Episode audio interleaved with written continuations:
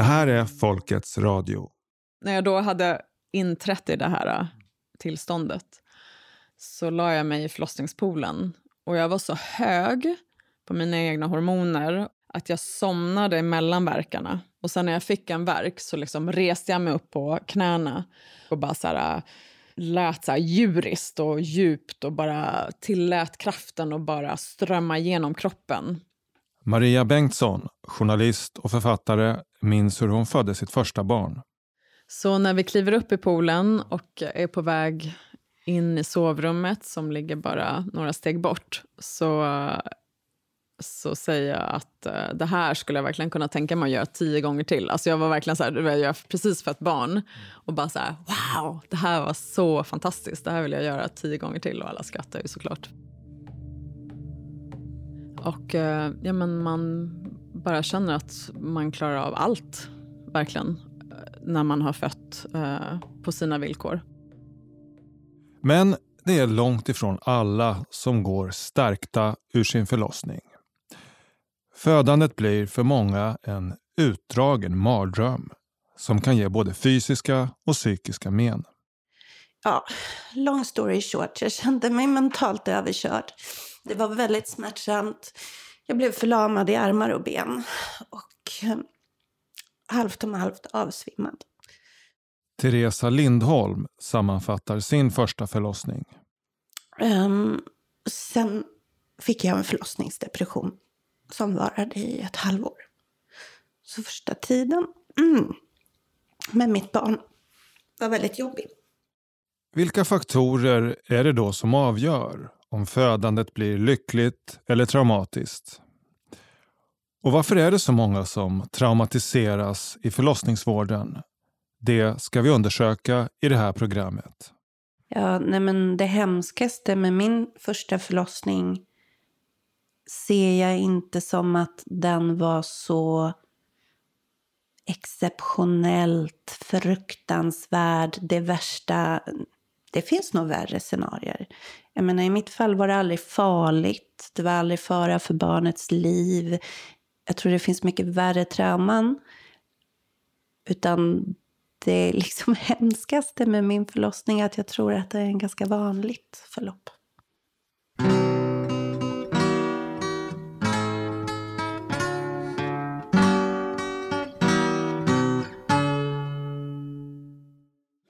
Jag heter Maria Bengtsson. Jag är utbildad journalist och utbildad doula och numera massör också. För de som inte vet, vad är en doula? En doula är en person som stödjer den gravida kvinnan och hennes partner inför födseln och eh, följer även upp efter förlossningen. Mm. Och eh, hennes jobb är att eh, skydda den känslomässiga upplevelsen av förlossningen. Och eh, hon kan även agera språkrör eh, gentemot eh, förlossningspersonalen. Tillsammans med medförfattare Kristina Turner har Maria skrivit boken Revolution i BB-fabriken. Det är två stora delar i boken. skulle jag säga. Den ena är en där vi försöker besvara frågan eh, hur förlossningsvården har kommit att bli så sjuk Eh, och varför det ser ut som det gör eh, i Sveriges eh, förlossningsvård. Och den andra delen handlar om eh, vad kvinnan kan göra för att skapa de förutsättningar som hon behöver göra för att föda friskt och eh, på sina villkor. Vi har idag, hävdar författarna, mer eller mindre accepterat att det måste vara plågsamt och skrämmande att föda barn och att kvinnor måste skadas psykiskt och fysiskt. Födandet, skriver de, är en frisk händelse som i de flesta fall inte kräver någon sjukhusvård. Ja, eh, hade det inte varit friskt hade vi inte funnits här idag. det är ganska enkelt egentligen. Eh, och en gravid eh, kvinna, om hon... Jag menar, det är friskt så länge vi är friska. Så med den folkhälsa vi har idag och mödravården som plockar upp om det är några komplikationer under graviditeten så kommer de flesta kvinnor att föda eh, utan problem egentligen om de inte skulle slussas in i förlossningsvården per automatik. egentligen. Så det är i, på sjukhuset och på grund av de PM som barnmorskorna måste följa som sen sjukliggör det här normala och friska. Oxytocin kallas det hormon som utsöndras i kvinnans kropp under födelseprocessen och som har flera viktiga, för att inte säga nödvändiga, funktioner. Det skapar sammandragningar och sätter igång verkarbetet. Och det ger naturlig smärtlindring. Men flödet av oxytocinhormonerna är känsligt och kan lätt störas av stress och yttre faktorer. Det räcker med att vi sätter oss i bilen egentligen och åker in till sjukhuset så kan ju det här äh, äh störas. Vår oxytocinproduktion i kroppen störs för att vi ja, men behöver börja kanske tänka, vi behöver liksom vi blir obekväma. Vi kanske, sen när vi kommer in på sjukhuset så kommer vi in i ett ljust rum. Vi ställs frågor, vi behöver börja tänka. och Alla de här sakerna Eh, gör att eh, oxytocinet eh, saktar ner och adrenalinet tar över för att däggdjursinstinkten ehm, eh, är att när vi känner oss lite hotade eller eh, när vi behöver använda neocortex då eh, kommer adrenalinet in istället i vårt system för att vi ska kunna liksom inte föda på flykt. Så det här är ju ett gammalt, eh, gammalt system som kroppen har skapat för att vi ska kunna överleva som, som art. egentligen. Så, så, att det är A och O att man har en trygg och harmonisk miljö kring sig för att den här oxytocinproduktionen ska hållas igång? Ja, exakt. Så um, det som många kallar för verksvaghet är ju i själva verket en naturlig reaktion på miljön. Att man kommer då in till sjukhuset. Och eh, även om du tror att det är där du känner dig trygga så kommer liksom, ditt hormonsystem kommer ändå reagera. När vi då får många frågor eller börjar frysa och det är liksom rörigt och stressigt så slår det ut oxytocinproduktionen. Och det är det jag menar med att då stannar verkarbetet upp oftast och så blir man klassad som verksvag. Jag hade gått över tiden eh, och förstod då att det fanns ju en risk för igångsättning. Eh, vilket jag hoppades på att kunna undvika. Mm, jag tror att det är bättre om kroppen får liksom göra jobbet själv. Teresa Lindholm.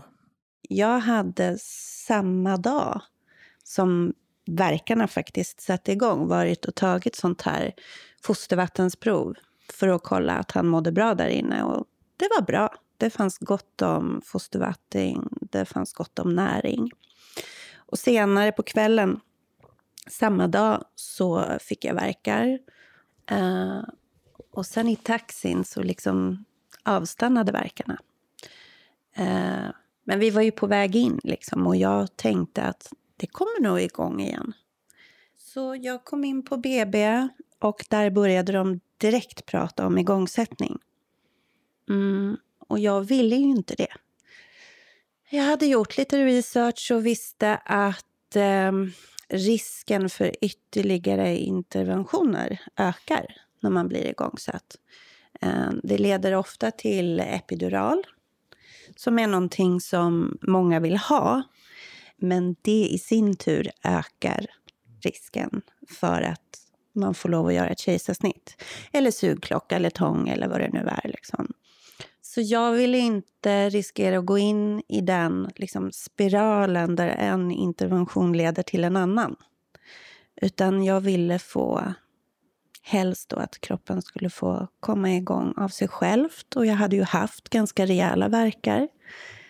Så jag hade kanske velat få några timmar på mig. Liksom. Men de var väldigt bestämda på att jag skulle sättas igång. Och jag frågade varenda person som var inne i liksom, mitt förlossningsrum. Men varför? Jag har ju varit inne idag eh, och gjort fostervattensprov. Han har det bra där inne. Varför är det bråttom? Och jag fick inga riktiga svar på det. Teresas första förlossning illustrerar väl det systemfel som beskrivs i boken Revolution i BB-fabriken. Hur förflyttningen från den trygga miljön i hemmet stör oxytocinflödet i kvinnans kropp med följden att verkarbetet tillfälligt avstannar. Och det är här som väldigt, väldigt många kvinnor får syntetiskt oxytocin istället. Författare och journalist Maria Bengtsson. För att ge en liksom knäpp mot en färdknäpp. Ja. Är det lika bra som det äkta? Syntes... Nej. Nej, det är det ju verkligen inte. Um, dels så är um, syntetiska verkar väldigt mycket starkare. De håller i sig mycket längre. Mm.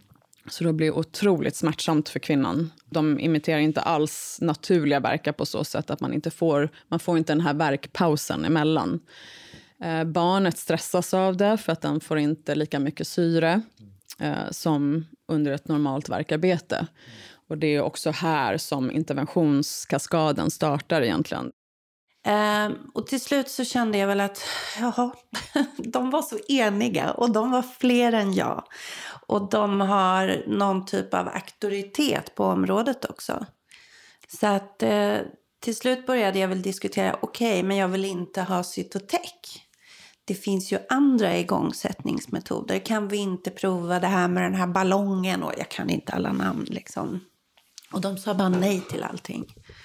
Varför, frågade jag. Och då fick jag återigen obegripliga svar.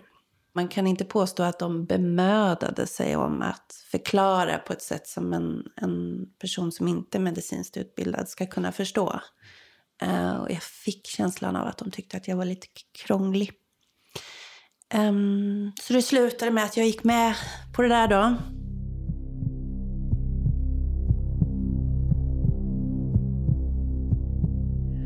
Eh, och man ska maximalt kunna få åtta doser Cytotec om jag inte minns fel. Så var det det de sa. Och jag fick en, ingenting hände. Jag fick två, ingenting hände. Jag fick tre, ingenting hände. Fjärde, då började jag liksom ana att de kanske var lite konfunderade. Liksom. Varför tar det inte? Så fick jag en fjärde, ingenting hände. Så fick jag en femte. Och då satte liksom helvetet igång. Um, jag har inget att jämföra med. Jag har ju aldrig fött barn på något annat sätt. Men vad jag har försökt läsa mig till i efterhand så är smärtan av de här kemiska verkarna den är liksom inte möjlig att utstå utan epidural. Eh, alltså ryggmärgsbedövning, det gör ondare. För när du har naturliga verkar så producerar kroppen sina egna smärtlindrande ämnen. Och den processen kommer liksom inte igång när man sätts igång kemiskt.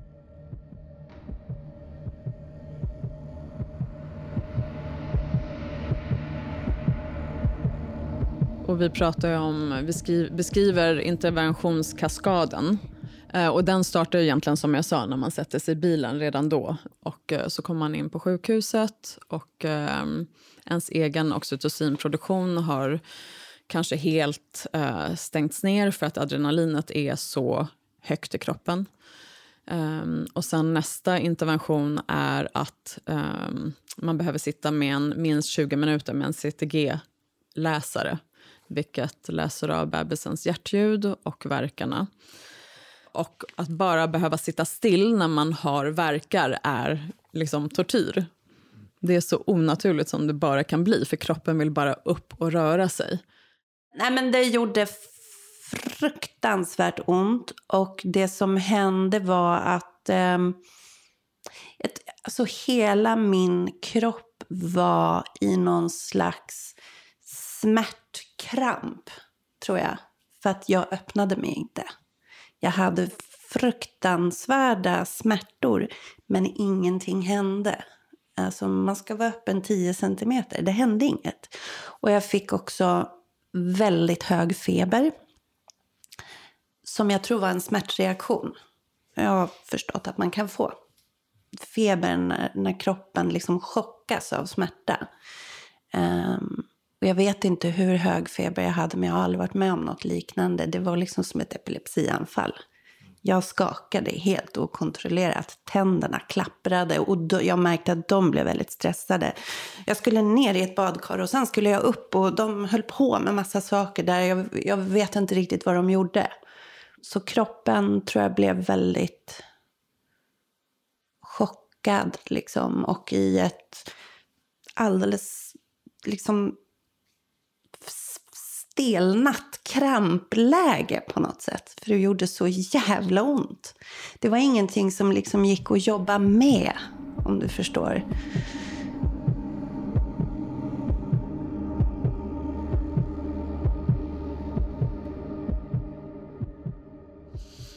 Och så kan det bli en sån här dans att man behöver skruva upp eh, oxytocinet om epiduralen gör att den att verkarna saktar ner.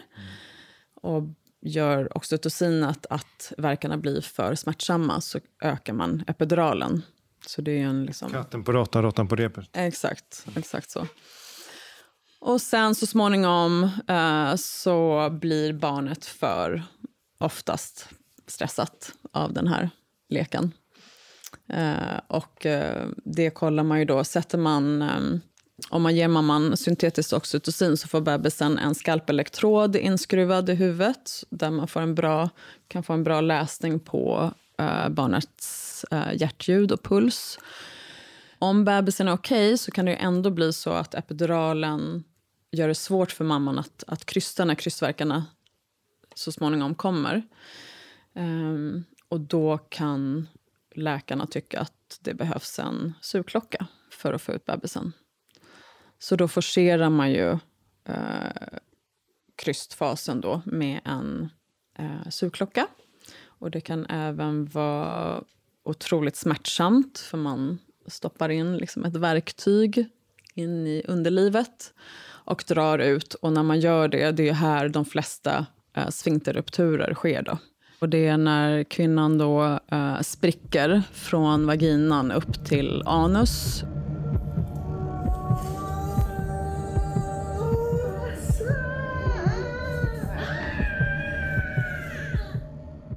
Mm, förstör, nerver förstörs, muskler kan förstöras.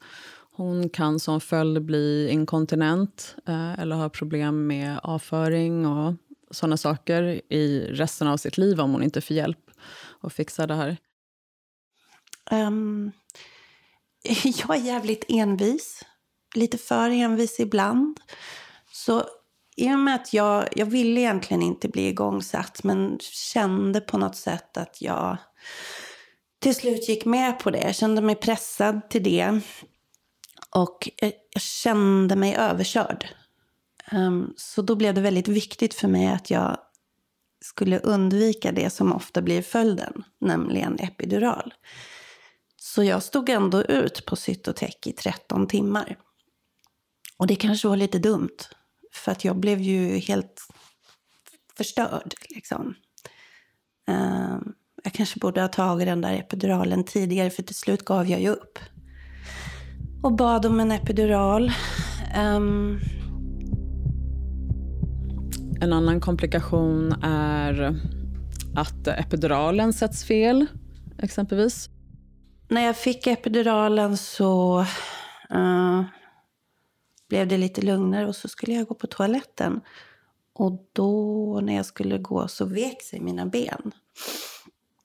Då hade de råkat lägga den lite för långt ner eller varför det nu blir så. Men det kan hända att man får liksom bortdomnade ben.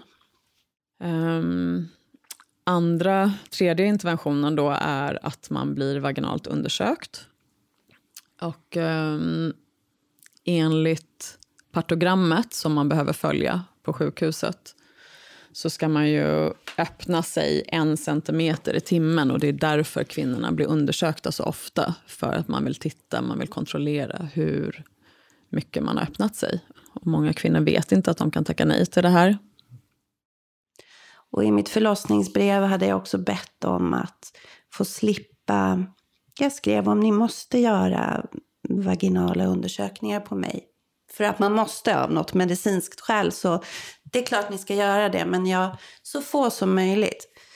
De kom ju in, jag var där i 30 timmar ungefär, de kom in en gång i timmen. Och jag såg ju inte, men det gjorde väldigt ont.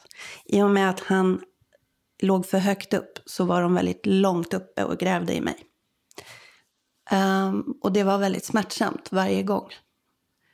Den sista undersökningen, då var de inne på femte skiftet av personal, ny personal. Mm, och jag var väldigt slutkörd. Eh, och jag låg och grät.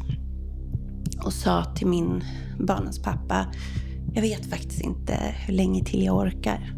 Jag vet inte. Mm, kanske inte så länge till. Och ett nytt skift kom in och de... Jag vet inte om de kanske inte såg att jag grät. Jag vet inte.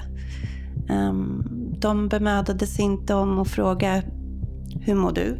Inget sånt. Utan det var bara in igen, en till undersökning. Jag vet inte för vilken i ordningen. Och det gjorde ont. Och sen när de var klara så tittade hon på mig, den här... Äh, äh, barnmorskan och frågar ursäkta, kan min barnmorskestudent här få eh, undersöka dig igen för att öva lite? Eh, och då, jag trodde inte att det var sant. Jag tänkte, men har, ni inte, har ingen här märkt hur jag mår? Jag ligger och gråter och jag är inne på, jag vet inte. Ja, det var väldigt okänsligt. Men vid det laget var jag så liksom liten tillintetgjord så att jag lät dem göra det faktiskt. Det är helt obegripligt, men jag gick med på det. Så jag fick en undersökning till. Um, och sen kämpade jag väl på i någon halvtimme till och sen så sa jag till um, barnens pappa, jag orkar. Nu, vill jag ha ett snitt. Att göra något mot en annan människas kropp utan samtycke är ett övergrepp, punkt. Men av komplexa anledningar har vi fått en blind fläck när det gäller födandet. I förlossningsvården blir kvinnor överkörda, tillintetgjorda, kuvade och utsatta för våldshandlingar dagligen. Många av dem vi pratat med beskriver sin förlossning som just en våldtäkt. Att övergreppen sker i vårdsammanhang neutraliserar inte kravet på samtycke. Tvärtom borde de juridiska påföljderna vara lika allvarliga i det sammanhanget. Men övergrepp, mm. våldtäkt, är, är det så som en del upplever det?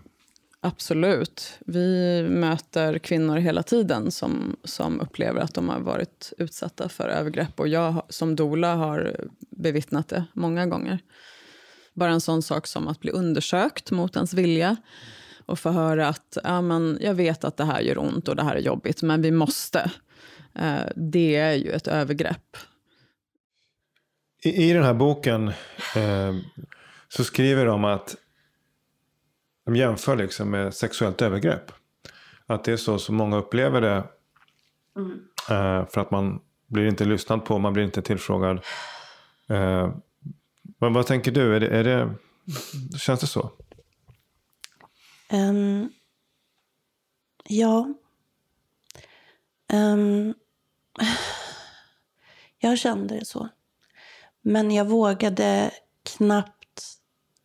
Jag uttalade aldrig de orden till någon. Och jag, när jag tänkte tanken ut så skämdes jag och tänkte det kan jag väl inte säga att jag har varit. Jag har ju varit på ett sjukhus där de har tagit hand om mig. Och det skulle jag aldrig våga sitta och säga till någon som verkligen har blivit våldtagen eller varit med om ett övergrepp. Liksom. Det här var ju människor som pratade vänligt till mig, om du förstår. Liksom, och som inte höll fast mig eller någonting sånt. Men känslan var att jag hade varit med om en tortyr och ett övergrepp.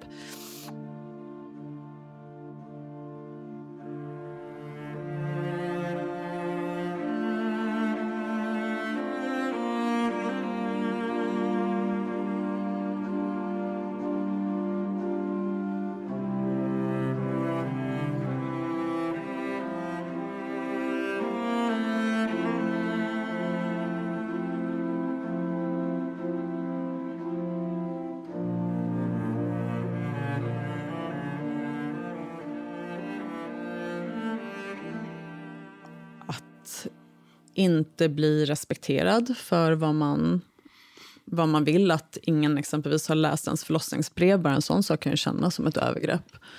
De flesta kvinnor vet inte att de har rättigheter i födandet. Vad betyder det att du hade skrivit ett förlossningsbrev och att de inte verkar ha läst det? jag blir bara förbannad.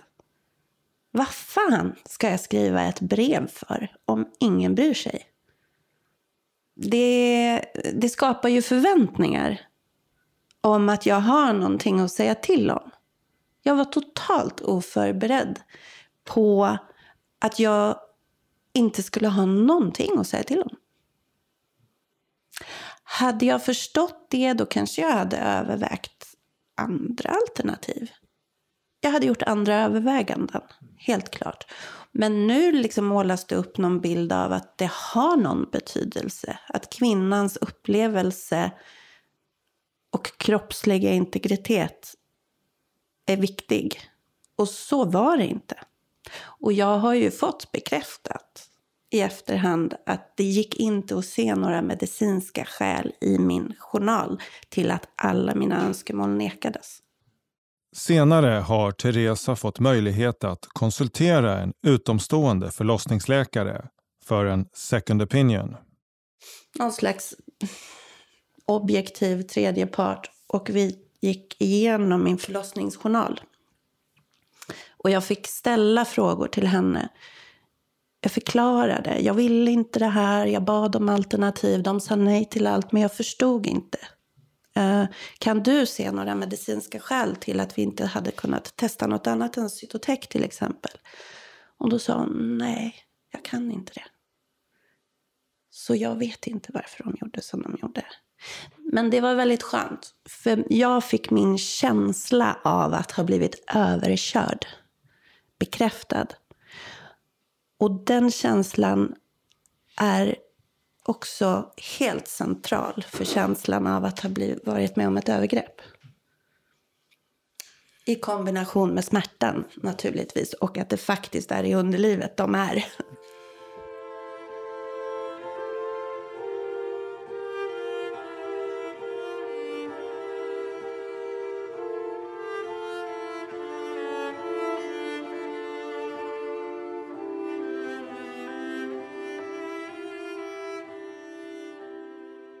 Ett begrepp som kommit att användas i sammanhanget är obstetriskt våld eller förlossningsvåld.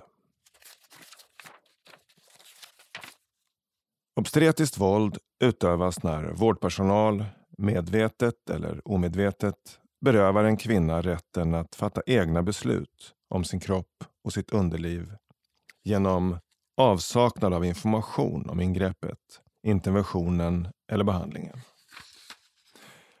bristfällig information om fördelarna, nackdelarna och alternativ till behandlingen.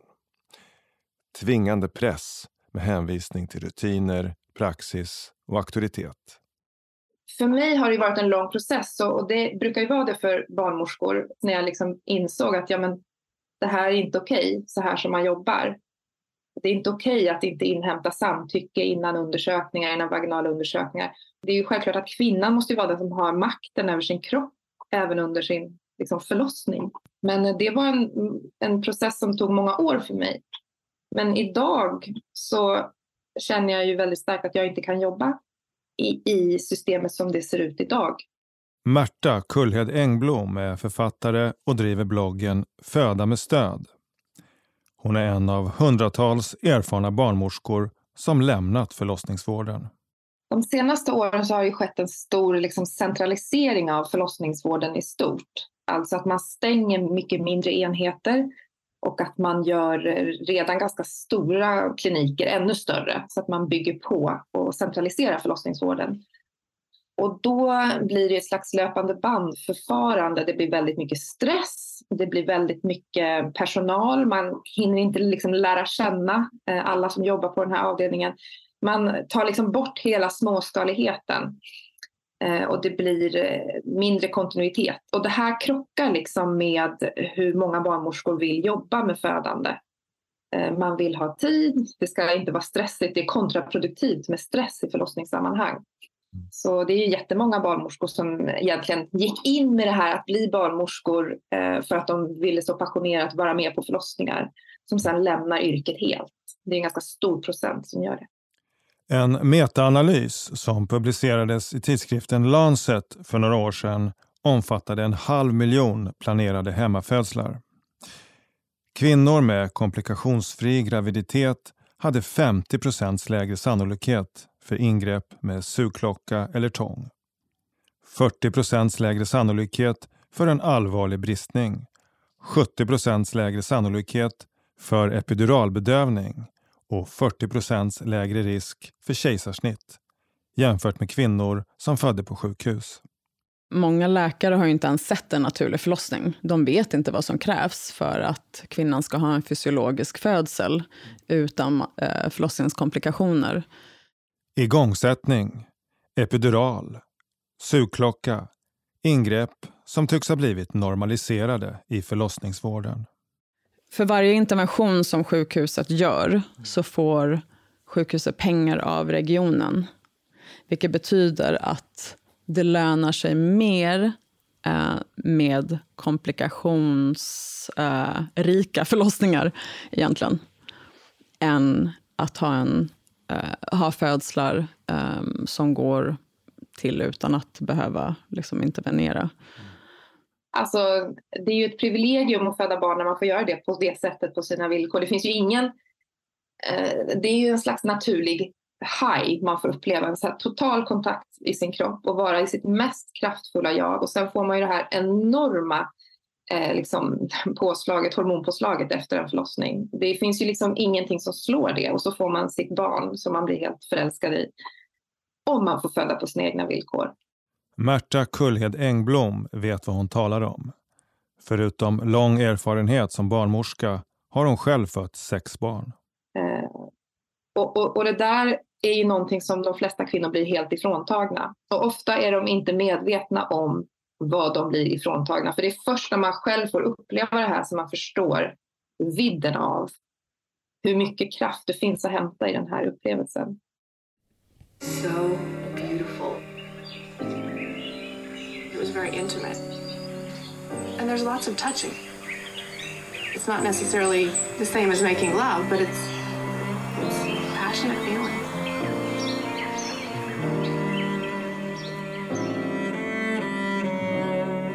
Ja, det ser ut som en, en romantisk dejt nästan. Mm, precis, och hon beskriver ju att hon känner nästan så. Att det är väldigt sensuellt mellan dem, mellan henne och hennes man. Dokumentären Orgasmic Birth från 2008 vill utmana föreställningen om att födandet ska vara något traumatiskt. Den följer elva olika kvinnor som föder i hemmet tillsammans med sin partner. Snarare än ångest och vanmakt är förloppet präglat av en erotisk laddning. Och att de har tid att kyssas och röra vid varandra och gå på promen långsamma promenader. Och det är väldigt... Mm. Men är, det här ser nästan för bra för att vara sant. Så, kan det vara så verkligen? Mm, jag har själv upplevt det. och många med mig. Eh, hemförlossningar går ju till på det sättet.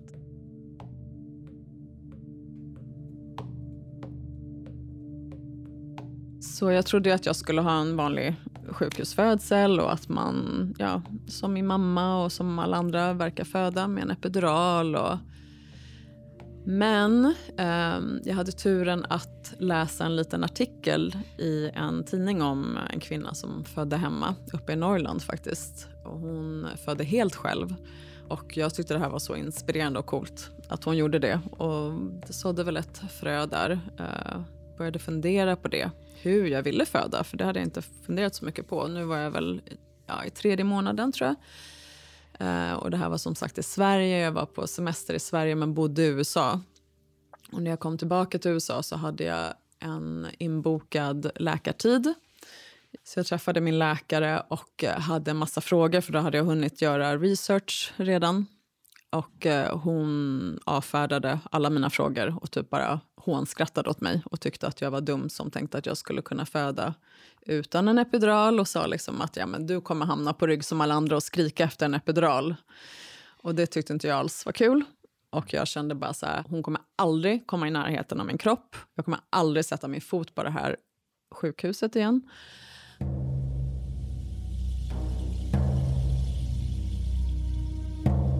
Sex månader senare var det dags. Hon födde sitt barn i hemmet tillsammans med sin dåvarande man.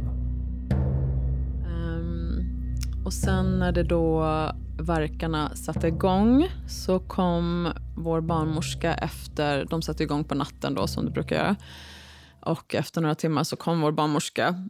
Men um, då hade jag bara öppnat mig någon centimeter så hon åkte hem efter ett tag och tyckte att jag skulle dricka ett glas vin. Då blir ju folk jätteupprörda när man säger att man kan dricka lite vin under, under förlossningen. Men jag tänker att om det kan få en att slappna av och sen slippa en att bli igångsatt så är det mycket bättre. Men jag hade också läst att det inte var bra med alkohol under graviditeten så jag drack inte det där vinet och, var, och kunde inte slappna av. Så att jag sov inte eh, och kun, hade väldigt svårt att eh, komma ner i varv och hade liksom en lång latensfas som är då tiden innan man kommer in i aktiv förlossning. Så den var lång och det var liksom lite läskigt så här, att känna att okej, okay, om det gör så här ont nu, hur kommer det kännas sen? Och eh, när jag var inne på andra dygnet så började jag få lite panikkänslor. Och när barnmorskan kom tillbaka eh, och märkte att jag bara hade öppnat mig typ en halv centimeter till eller någonting sånt. Jag var bara på en och en halv centimeter om man ska komma till tio för att sen, ja, innan kryssverkarna sätter igång. Så då tänkte jag hur, då började jag känna att det här kommer inte jag kunna stå ut med hur länge till som helst. Och då var det ett tillfälle när jag frågade barnmorskan vad gör vi om, om, om inte det händer någonting och jag blir alldeles för trött. Och då, då sa hon ju att vi i sådana fall behöver förmodligen åka in till sjukhuset och att det kan bli i värsta fall ett kejsarsnitt. Och det var väl det jag fruktade mest, att behöva opereras och liksom ge upp kontrollen till läkarna. Så då blev jag, fick jag någon så här jävlar anamma-känsla eh, och gick in på toaletten där jag tog några krystverkar. Och där bara kände jag hur det, hur det skedde ett stort skifte i mig där jag kände att jag kan inte, jag kan inte fly det här, jag måste igenom det. Jag måste bara, jag måste bara dyka ner i, i verkarna och i min egen kropp att tillåta den här kraften att komma. För det är en enorm kraft som känns läskig för vi är inte vana vid att känna oss så kraftfulla. Så istället för att liksom försöka fly smärtan och fly den här äh, kraften så bestämde jag mig för att bara möta den och liksom hänge mig.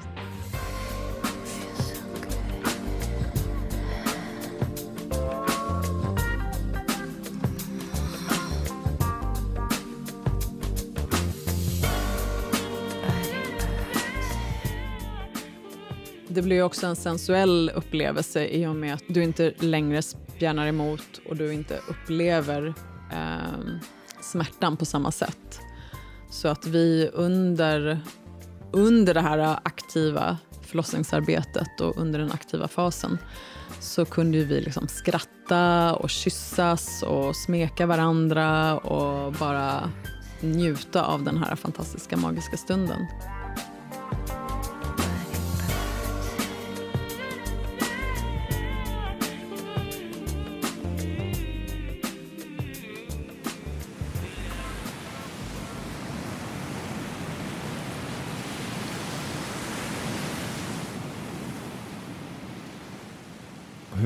Skulle du beskriva den här kraften? Som ett stormande hav. Och eh, när du lär dig att rida på vågorna så kan du liksom bara släppa egot och släppa det du tror är du. Och bara tillåta kroppen att gå in i den här kraften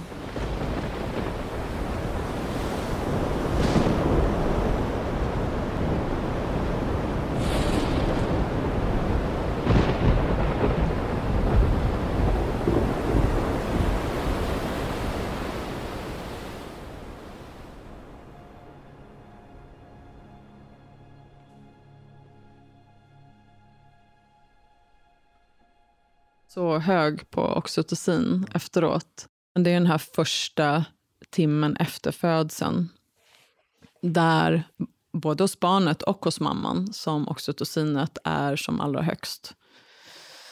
Och eh, aldrig annars i livet har vi så höga liksom, nivåer av oxytocin. Och oxytocinet är ju kärlekens hormon. Och hela den första tiden var ju helt fantastisk. Man är bara, bara älskar alla. I think to myself What a wonderful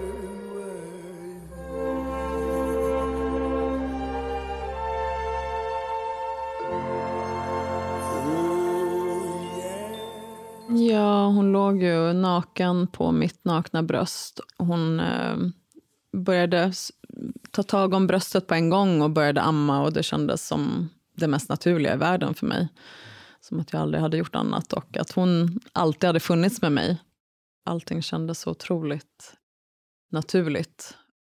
Kontrasten kunde inte vara större till Teresa Lindholms förlossning som efter mer än 30 timmars utdragen plåga slutade med ett kejsarsnitt. De sa att det skulle ta kanske två minuter. Jag fick bedövning. Och sen märkte både han och jag, barnets pappa, att det tog längre tid. Och jag var... Jag åkte ut och in ur medvetande. Jag var liksom halvt om halvt avsvimmad. Men jag vaknade till ibland och märkte att hon fortfarande höll på.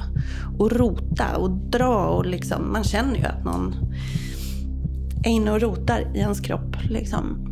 Och så, vi frågade vid något tillfälle, eh, hur går det? Eh, och sen till slut kom det ut en bebis som var frisk. Och, så, och de la honom på mitt bröst och då märkte jag att jag hade fått förlamade armar. Så att eh, först var det benen av epiduralen och sen bedövningen. Eh, jag tror att det var det som hände i alla fall. Bedövningen som de la när jag skulle få ett snitt kom för högt upp så då kunde jag inte röra armarna heller. Så jag kunde inte hålla mitt barn. Um, jag var också liksom gled ut och in i medvetande. Jag var väldigt liksom av smärta och kanske droger också, um, medtagen. Så att jag hade till och med svårt att fokusera blicken och se honom. Jag hade svårt att hålla mig vaken. Och det, det var väldigt suddigt. Jag hade svårt att se. Jag ansträngde mig allt vad jag kunde för att liksom få en skymt av honom.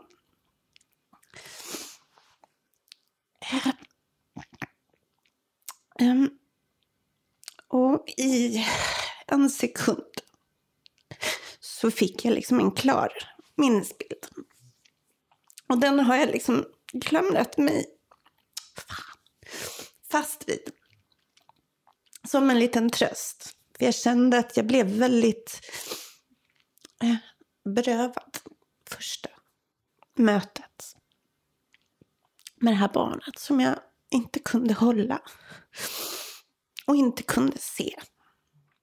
Boken Revolution i BB-fabriken beskriver hur kvinnor som föder barn på sjukhus blir utsatta för gaslighting, alltså en typ av psykologisk manipulation som ofta förekommer i destruktiva relationer. Ja, om du upplever att du har varit utsatt för ett övergrepp och någon säger men du ska vara glad för bebisen överlevde och du överlevde. Då kommer du ganska snabbt känna skam för att du försökte uttrycka något typ av missnöje över det som har skett när du egentligen borde vara så tacksam. Det är en form av gaslighting. Um, och den gaslighting vi får från sjukvården och från andra människor och media gör ju att vi också upprätthåller den här normen om att det är normalt att föda eh, med övergrepp. Eh, och komma ur sin födsel eh, traumatiserad. Mm. Vad, vad, tänker du? Hade det kunnat ha gått annorlunda än det gick? Det vet ju inte jag. Jag tror det. Måste jag ha tänkt på det? Jag har tänkt mycket på det. Um, Jag tror det. Um, bebisen mådde bra. Jag hade verkar, men de stannade av. Det är tydligen vanligt. Och sen kan de komma igång igen. Så om det bara hade fått ta lite mer tid så tror jag att förloppet hade kunnat bli ett annat. Jag kanske inte hade behövt sättas igång. Och hade jag inte behövt sättas igång så hade jag inte behövt epidural. Och hade jag inte fått epidural så kanske det heller inte hade blivit ett kejsarsnitt. Och allt som, ja, det är svårt att veta. Men jag tror att det hade kunnat vara ett annat scenario. Tyvärr, jag tror inte att, jag, att det hade behövt vara så. Är det en trösterik eller plågsam tanke? Mm. För liksom the bigger picture så är det trösterikt. Uh, tänker jag att uh, det, här, det, går ju att förändra. Det är inte så här...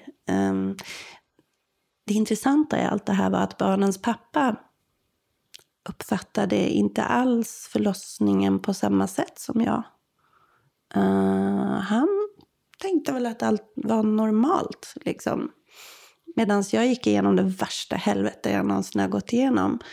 Eh, för vi har lärt oss att kvinnan ska skrika och det ska vara smärtsamt och det ska vara liksom hemskt. Vi har sett det på tv. Men eh, jag tror att det kanske alltid gör ont naturligtvis. Men det finns olika sorters smärta och jag tror att det kan vara en annan upplevelse. Och det är trösterikt i den stora bilden. Liksom. För mig personligen eh, så är det väldigt jobbigt att jag kanske... Jag fick den här upplevelsen och det hade inte behövt vara så. Jag känner att vad kan vara större än när man träffar sitt första barn först, första gången. Det blev förstört.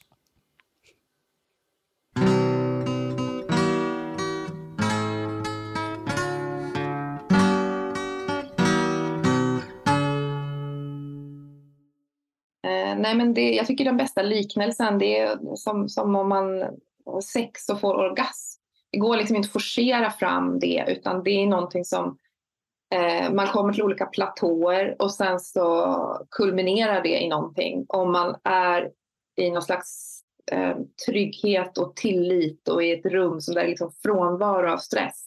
Märta Kullhed Engblom, barnmorska, numera författare och bloggare.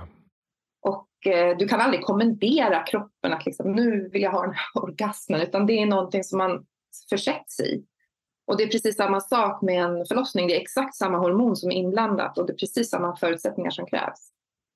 Och eh, det är bara det att den orgasmen är liksom tusen gånger större än en, en vanlig orgasm och kräver ännu bättre förutsättningar.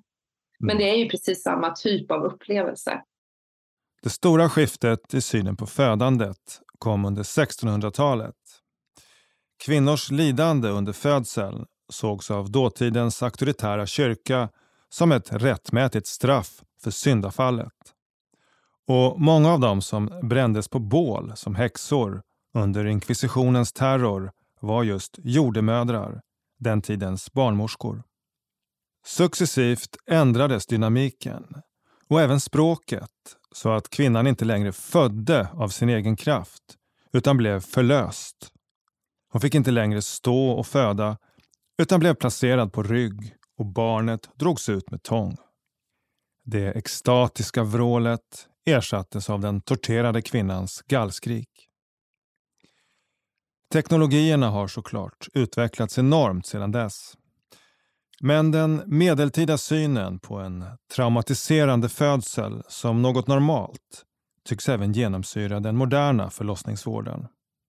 Tidigare så sa man att sex är ingenting man ska njuta av för kvinnor utan det är bara bit ihop och stå ut om du vill bli med barn.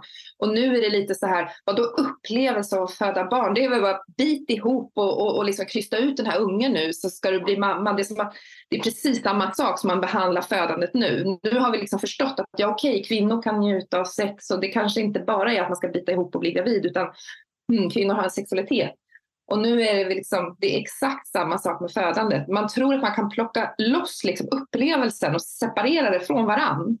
Och som att ja, ja, ja, ja, upplevelse, det är inte viktigt. Nu är det viktigt att ni bara överlever här. Och liksom inte fatta att om kvinnan får en bra upplevelse, det är då det blir som mest patientsäkert. Du kan ju liksom inte separera som om du tar bort legoplattor liksom från varandra så här. De sitter ju tätt ihop. År 1920 skedde fyra av fem födslar i Sverige i hemmet. Idag är den siffran en på tusen. Det finns ett kraftigt motstånd mot hemförlossningar trots att det alltså finns forskning som visar att kvinnor som haft en komplikationsfri graviditet föder säkrare i hemmet än på sjukhus. Ja, men det är ju att man eh, tappar kontrollen. Alltså det är att kvinnan återfår makten och kontrollen över sin egen kropp. Hon är i sin egen kända miljö. Hon blir liksom, det blir på hennes premisser och det är det som är det kontroversiella. Jag tror inte att någon ska, kanske skulle erkänna det utan man hela tiden pratar om att det är så farligt och så vidare och det är säkert och kvinnor ska föda på sjukhus för det är det säkraste. Men det är, handlar om vem som faktiskt har makten att bestämma över kvinnan under förlossningen. Och varför finns det ett motstånd mot det?